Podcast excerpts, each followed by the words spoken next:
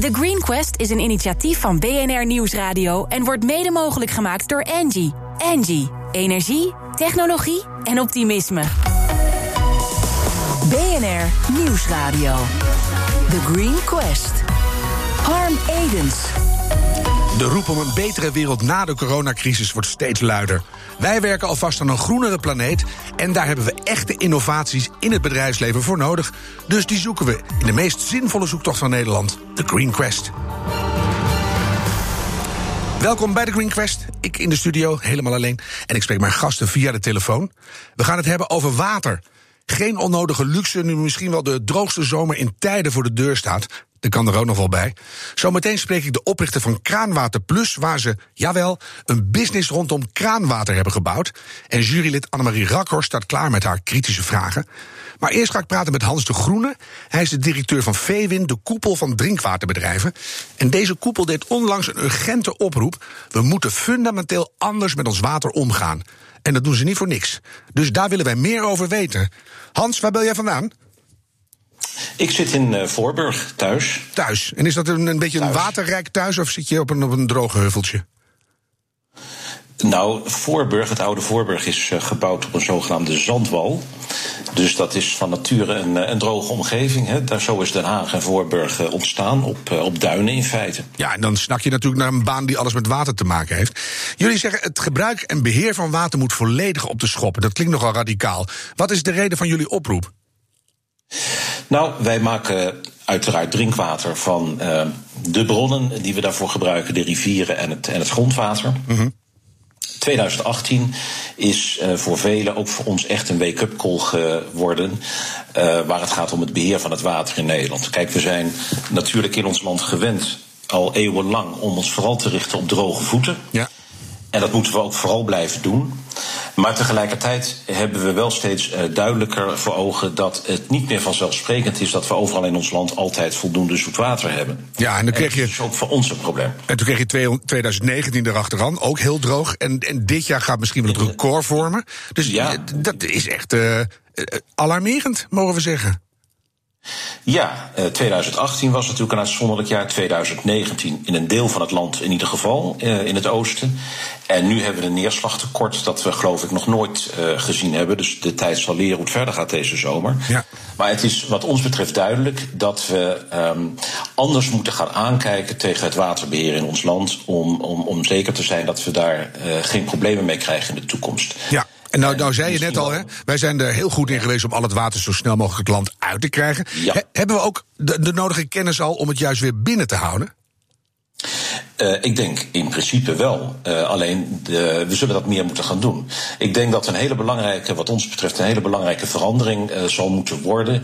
Dat we bij het gebruik van ons land veel eerder kijken naar de beschikbaarheid van water dan omgekeerd. Hè, tot nu toe ja, probeerden we eigenlijk de beschikbaarheid van water aan te passen aan wat we met het land wilden doen. Ja. Droogpompen dus vaak. Mm -hmm.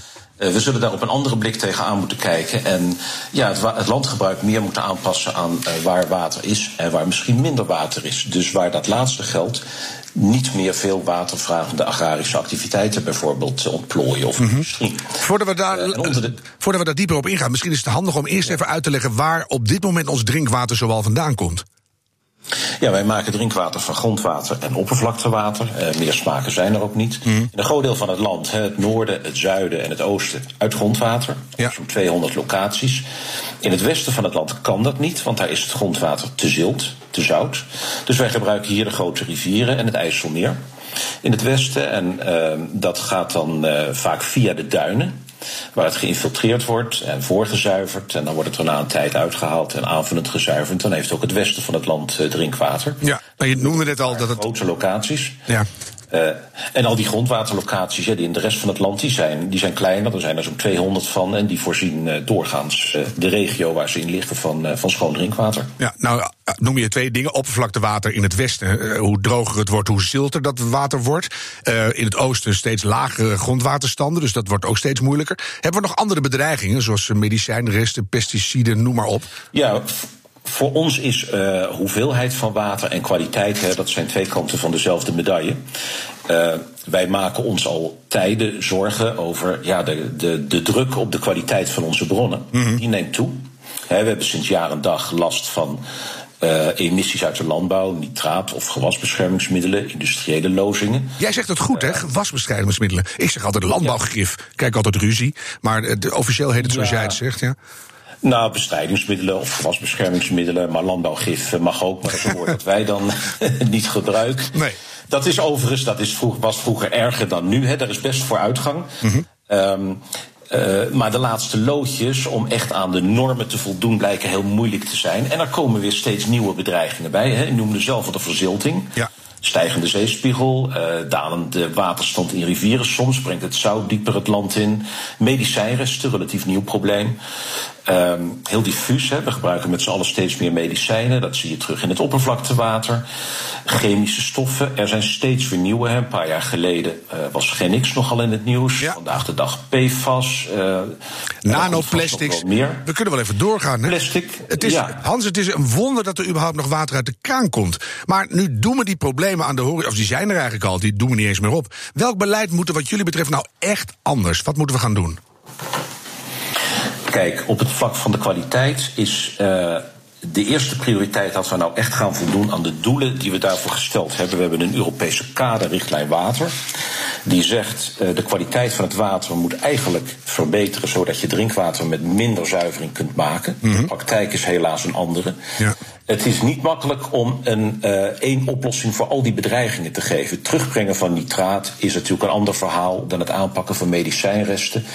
En terugdringen van opkomende stoffen van de industrie is weer een ander verhaal dan het beperken van uh, het gebruik van gewasbeschermingsmiddelen. Dus je moet steeds van geval tot geval kijken wie daarvoor al zet is en wat de inspanning moet zijn. Ja, en zijn dat is de ene kant van de medaille. Ja, de, en de andere kant is dus die hoeveelheid water. Hè, het waterbeheer in ons land, waarvan we zeggen... daar moet je anders tegenaan gaan kijken. Ja. En meer, meer dan vroeger concentreren op water vasthouden... in plaats van het zo snel mogelijk uh, wegtransporteren naar zee. En kan je dat iets verder uitdiepen? Hebben we dan te maken met extreme regenbuien... die we ondergronds gaan opslaan of al dat soort dingen? Hoe, hoe moet ik dat zien? Nou, er zijn uh, verschillende mogelijkheden voor. Dat wordt overigens, uh, dat staat op de agenda, wordt ook onderzocht. Kijk, traditioneel is natuurlijk het IJsselmeer. Uh, ja, de nationale regenton, hè, zoals wel eens gezegd wordt. Ja, heerlijk. Het IJsselmeer wordt al wat, ja, wordt al wat voller gevuld mm -hmm. dan vroeger het geval was. Uh, maar twee jaar geleden hadden we daar ineens last van verzilting in het IJsselmeer. Daar was iedereen een beetje door verrast. Ja. En dan wordt het dus weer lastiger om te gebruiken. Mm -hmm. Nou, er wordt bekeken of er meer plaatsen in het land zijn waar we dat soort zoet water uh, kunnen opslaan, dus buffers. Uh, dat kan boven de grond. Er wordt ook gekeken of dat onder de grond kan. En op de hoge zandgronden in het oosten waarvan het kenmerk is dat er geen rivierwater in de buurt komt. Dan moet ja. je het echt doen met het grondwater dat het is en mm -hmm. regen. Wordt er ook gekeken hoe je dat water langer uh, kunt vasthouden en beter kunt laten infiltreren in de grond. Zodat je er uh, langer plezier van hebt en minder snel in de problemen komt. En is dat dus ook samen per, met de. Per regio verschillend. Ja, is het ook samen met de landbouw dat boeren accepteren dat het grondwater wel ietsje hoger kan voor de koeien, dat soort dingen? Nou, als je praat over ander landgebruik, dan is dat zonneklaar. Ja, dan moet je samen met de landbouw doen. Ja. Dus er zijn een hoop partijen bij betrokken. De waterschappen, de provincies en de gebruikers van het water, waaronder de landbouw. Ja. En trouwens ook de natuurfunctie, hè, die, uh, mij die heeft daar ook belang bij. Ja. ja. Nou, nou is mij de urgentie volkomen duidelijk, en jullie ook. Wie moet nou uh, in de politiek of in de regionale overheid de oproep oppikken... en wat hoop jij vervolgens dat ermee gebeurt? Het is een... Uh, dat is wel een kenmerk van het watersysteem, dat er zoveel betrokkenen zijn. Je hebt de waterbeheerders, dat is het Rijk, mm -hmm. Rijkswaterstaat, de provincies, de waterschappen. De gebruikers van het water, dat zijn wij, maar dat is de landbouw, dat, zijn, dat is de industrie, dat is de energiesector, dat ja. is uh, de natuur. Ja, je moet dus met z'n allen uh, kijken naar oplossingen, eigenlijk per regio, hoe je dat beter kunt inrichten dan tot nu toe. Mm -hmm. En, en waar leg je de handschoen neer? Wie moet hem gaan oppakken? Is het dat de uh, gezamenlijke organisatie die met elkaar aan de tafel moet? Of moet één het voortouw nemen, bijvoorbeeld jullie? Nou. Het voortouw ligt uh, bij de minister van Infrastructuur en Waterstaat natuurlijk. He, zij is uh, verantwoordelijk, systeemverantwoordelijk, zoals dat dan deftig heet, voor het hele waterbeheer in ons land. Mm -hmm. Ze is ook verantwoordelijk voor de kwaliteit van het water, he, voor de doelen van de kaderrichtlijn water. Dus wij zeggen, minister, neem echt de regie. Zorg dat iedereen, uh, dat alle neuzen dezelfde richting in staan, uitstaan. en dat er wordt doorgepakt. wij leveren als drinkwatersector daar natuurlijk heel graag een, een bijdrage aan. Ja. Wij zeggen wel eens, wij, wij zijn het kanariepietje van de watersector. Wij merken als eerste dat er iets mis is met de kwaliteit. dus ja, wij zijn, wij zijn een, een, belangrijke speler in dat veld en leveren daar graag onze bijdrage aan. Maar kunnen dat natuurlijk niet alleen. Dus ja, wij kijken naar de minister om de regie te nemen op het uh, totaal. Ja, ik vind dat een verstandige uitspraak. Het kanariepietje geeft nog een laatste piep voor het ter ziele gaat. Dus de minister, eh, waarschijnlijk luistert ze. Dus uh, die, die hoort dat nu. En ik uh, neem aan dat ze heel hard aan de slag gaat. Dankjewel, ja. Hans de Groene, directeur van de koepel van drinkwaterbedrijven Vewin. BNR Nieuwsradio. The Green Quest. Edens. We hebben hartstikke goed drinkwater uit de kraan, nog steeds. En toch loopt iedereen met flesjes Spa en Show rond. En dat is een doorn in het oog van Daf Dubbelman, oprichter van Kraanwater. Daf, uh, luister even mee naar de audio-introductie... en daarna mag jij aan duurzaam zakenvrouw en jurylid Annemarie Rakhorst uitleggen... met welke innovatie jij meedoet aan de Green Quest. Hier komt hij. Martin, I heard about you and I was fascinated. You are a water sommelier. Correct. And you believe uh, that there are many types of water and flavors of water, and that it's important to know the distinction. I'm not even believing in that. I think it's a fact. Ooh, uh, here we go. Drink kraanwater. Minstens net zo lekker. Maar zonder de zinloze verspilling van afval en transport.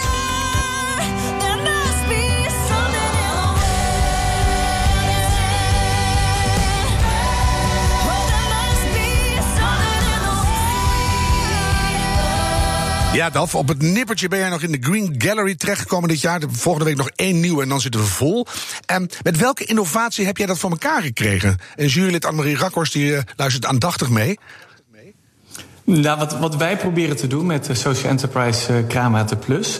is heel Nederland en heel de wereld eigenlijk te overtuigen... dat single-use verpakt water van ver weg onnodig is. En wij hebben dus een, een slimme uitontwikkelde waterdispenser. Mm-hmm. Waarbij de consument, vooral bedrijven, scholen en de horeca, lokaal leidingwater verder kunnen verfijnen met filters. Het wordt verder nog gekoeld en van bruis voorzien. En samen met impactmeters die we nu aan het ontwikkelen zijn.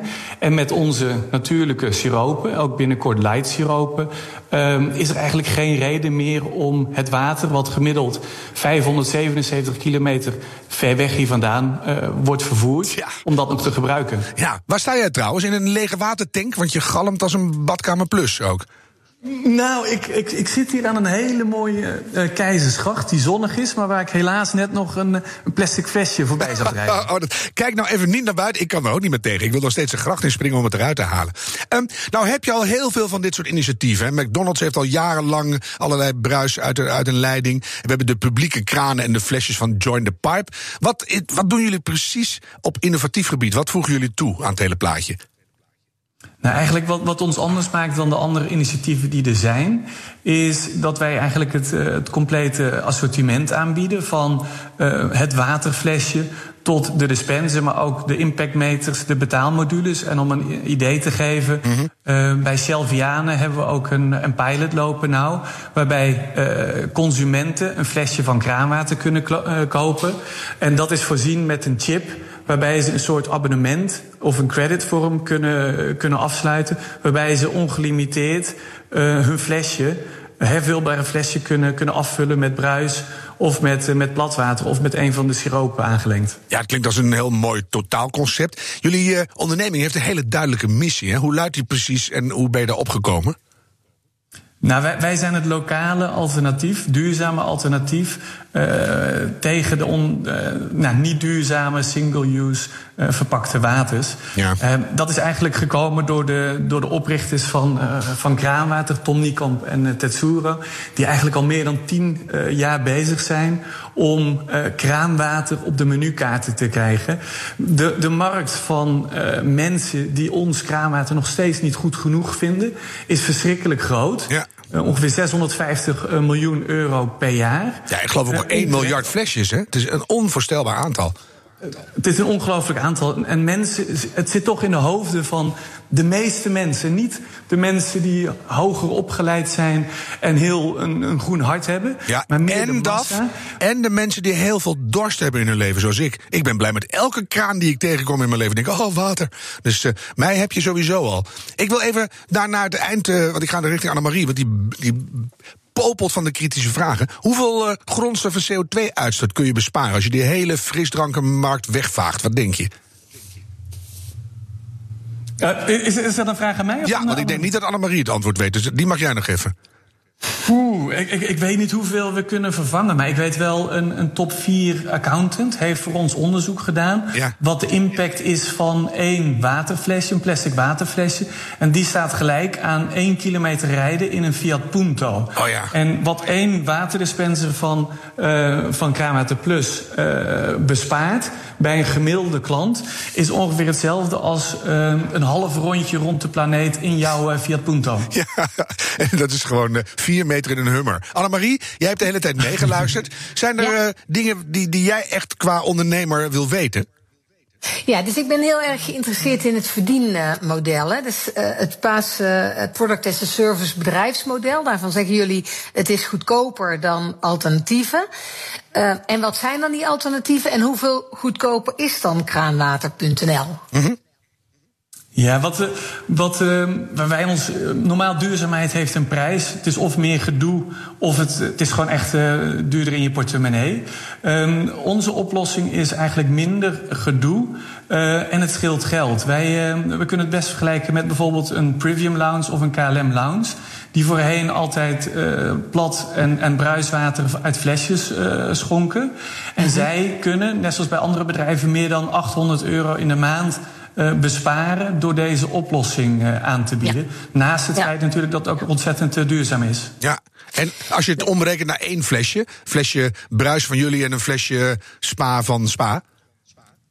Ja, eh, eh, bruis is bij ons ook niet gratis, want je hebt ook een CO2-patroon wat je moet installeren. Tuurlijk. Maar het is ongeveer eh 10 cent. En nou, vergelijk dat met de inkoopprijs van, eh, van de fles San Pellegrino of eh, Ja. welk merk dan ook.